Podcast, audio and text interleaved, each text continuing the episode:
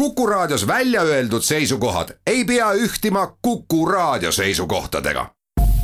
Te kuulate Kuku Raadiot. teadus teab.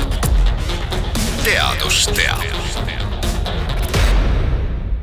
tänases Teadus teab rubriigis tuleb meediapädevuse nädala raames juttu valeinfost. uurime, miks levib palju valeinfot ja kuidas suurest infovoost ära tunda just see tõene info, ehk siis nii-öelda eraldada terad sõkaldest.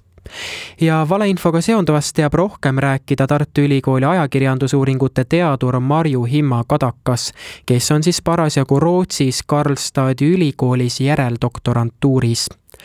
andke kuulajale üks retsept või siis valik soovitusi, et kuidas eristada suurest infovoost just see tõene info valeinfost kui alustada ühest retseptist ja kui meil oleks see retsept, siis me tegelikult ei oleks äh, selle probleemi ees, mis äh, valeinfoga või kogu selle infokorratuse temaatikaga kaasneb. aga äh, kui siiski anda mõned soovitused, siis võib-olla võiks alustada enda nii-öelda infodieedist ehk äh, sellest, äh, mida me infona tarbime. teatavasti meie ümber praegu on äh, rohkem igasugust infot kui kunagi varem ajaloos ja seetõttu võib-olla ongi inimestel keerulisem mõista, mis on siis tõene, mis on eksitav, mis on päris väär ja, ja mida sellest, kuidas tõlgendada.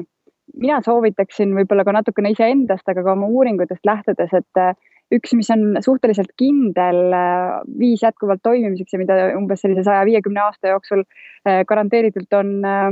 saanud usaldada, on siiski ajakirjandus, et ajakirjandus kui demokraatliku ühiskonna institutsioon tähendab seda, et ajakirjandusel on kohustus vastutada informatsiooni eest, mida nad avaldavad ja sellega kaasneb ka faktikontroll. Ehk ajakirjandus peab avaldama faktiliselt kontrollitud ja tõlgendama seda ka siis sellises mõistetavas ja tõeses äh,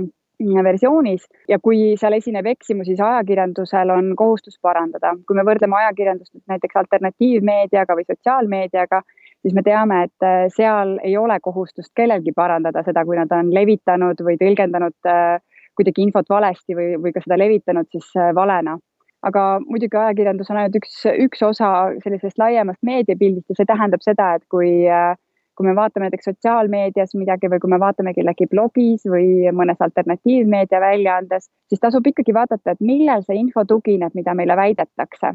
Aga muidugi on kohti, kus, kus me jätkuvalt arvame, et meie enda silm on kuningas, kui me näeme näiteks sotsiaalmeedias mõnda videot või mõnda fotot ja arvame kohe selle põhjal, et oi näe, meil on ka nii, aga samas võib see foto olla pärit hoopis, ma ei tea, kümne aasta tagusest ajast ja üldse mitte sellest kontekstist, ehk see on kontekstist välja rebitud ja jällegi see tekitab selle valeinfo tõlgendamise. ja see on ka see põhjus, miks me näiteks kas siin Covidi puhul või äh, mis tahes muude teemade puhul sageli näeme seda, et äh, inimesed näevad kuskil köhivaid inimesi, tänaval kokku kukkuvaid inimesi, aga siis tuleb välja, et aga see video tehti kuskil üheksakümnendatel ja ta köhis hoopis muudel põhjustel ja, ja kukkus kokku hoopis muudel põhjustel ehk et äh, me peame asju arvestama väga-väga kriitiliselt, kõik, mida me näeme, ei ole enam tõsi, oma silm ei ole kuningas ja kõik see, mida sa näed, ei ole tõsi. Ja selle, selle eeldusega tuleks lähtuda tegelikult äh, suurema osa info tõlgendamisest. Kuivõrd mainisite just äh, koroonapandeemiat, et kuivõrd meil aastake on siis seda pandeemiat või rohkem kui aasta olnud, kui meediauurija pilguga vaadata tagasi sellele aastale, kas see on hoogustunud valeinfo levik sellel pingelisel ja segasel ajal, mis meil pandeemia tõttu tekkinud on? ma arvan, et ta ei ole hoogustunud rohkem, kui ta oli enne seda, aga lihtsalt selle kriisiga seoses, kuna selles kriisis on väga palju määramatust. me ei tea, millised piirangud võivad tulla homme, me ei tea, millised mõjud võivad olla vaktsiinidel, me ei tea, millised võivad olla viiruse järgmised mutatsioonid, mis meid ohustavad ja meie elu mõjutavad siis see lihtsalt on võimendanud väga paljus seda e, info tõlgendamise osa ka ja me näeme seda ka nii ka teadlaste kui ka poliitikute kui ka ekspertide tõlgenduses, et täna me teadsime seda, järgmine uuring ütleb järgmist asja, me peame oma olemasoleva teadmise ümber hindama. ja, ja see on ka üks asi, mida tasuks meeles pidada, et ka teaduslikult tõestatud tähendab alati seda, et see on parim praegu teadaolev, aga see võib muutuda, kui meil tuleb uus info selle kohta, kui me oleme teinud uusi uuringuid, ükskõik, kas need on mikrobioloogias, viroloogias või ka kommunikatsioonis ja politoloogias. et need uued, uus informatsioon tähendab alati ka uut teadmist ja, ja see ei tähenda seda, et eelmine teadmine oleks kardinaalselt vale olnud. üks asi, mida ma just äh, siin praegu hiljuti vaatasin üle viimased äh, kommunikatsiooni ja ajakirjanduse äh, uurimuse alased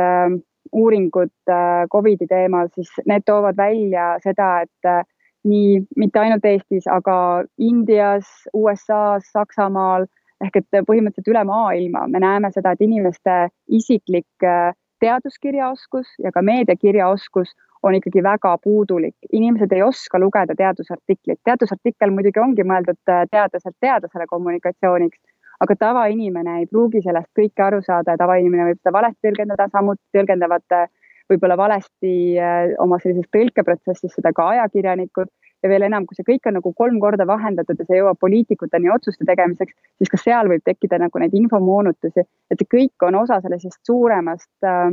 infokorratuse protsessist ja kui siin lõpetuseks otsida põhjuseid, et miks meil seda valeinfot eh, siis on, et kas seal võib eh, valik põhjuseid peituda näiteks selles, et eh, ikkagi info vahendamise käigus läheb nii mõndagi kaduma või siis ka sotsiaalmeediast, kus võib sisuliselt kõike leiduda? jah, nii on, me elame infost küllastunud ajastul, me elame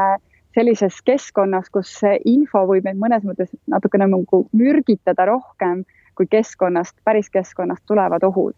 ja tasub astuda lihtsalt samm tagasi ja, ja mõelda kõikide nende päris ohtude peale, mis meid päriselus ohustavad ja siis kaaluda seda infot, mida me just oleme saanud äh, selle päriseluga seoses. see on ka üks asi, mida me oma rahvusvahelises meediakirjaoskuse projektis Smart.eu uurime, et äh, kuidas selline päris eluga vastandamine aitab infokorratusega või igasuguste infohäiretega korda või toime tulla. kuidas tõlgendada seda, mida me loeme, näeme või, või vahendatuna saame, kuidas tõlgendada seda päriselu kontekstis ja oma sellise, nagu me eesti keeles arm, armastame öelda,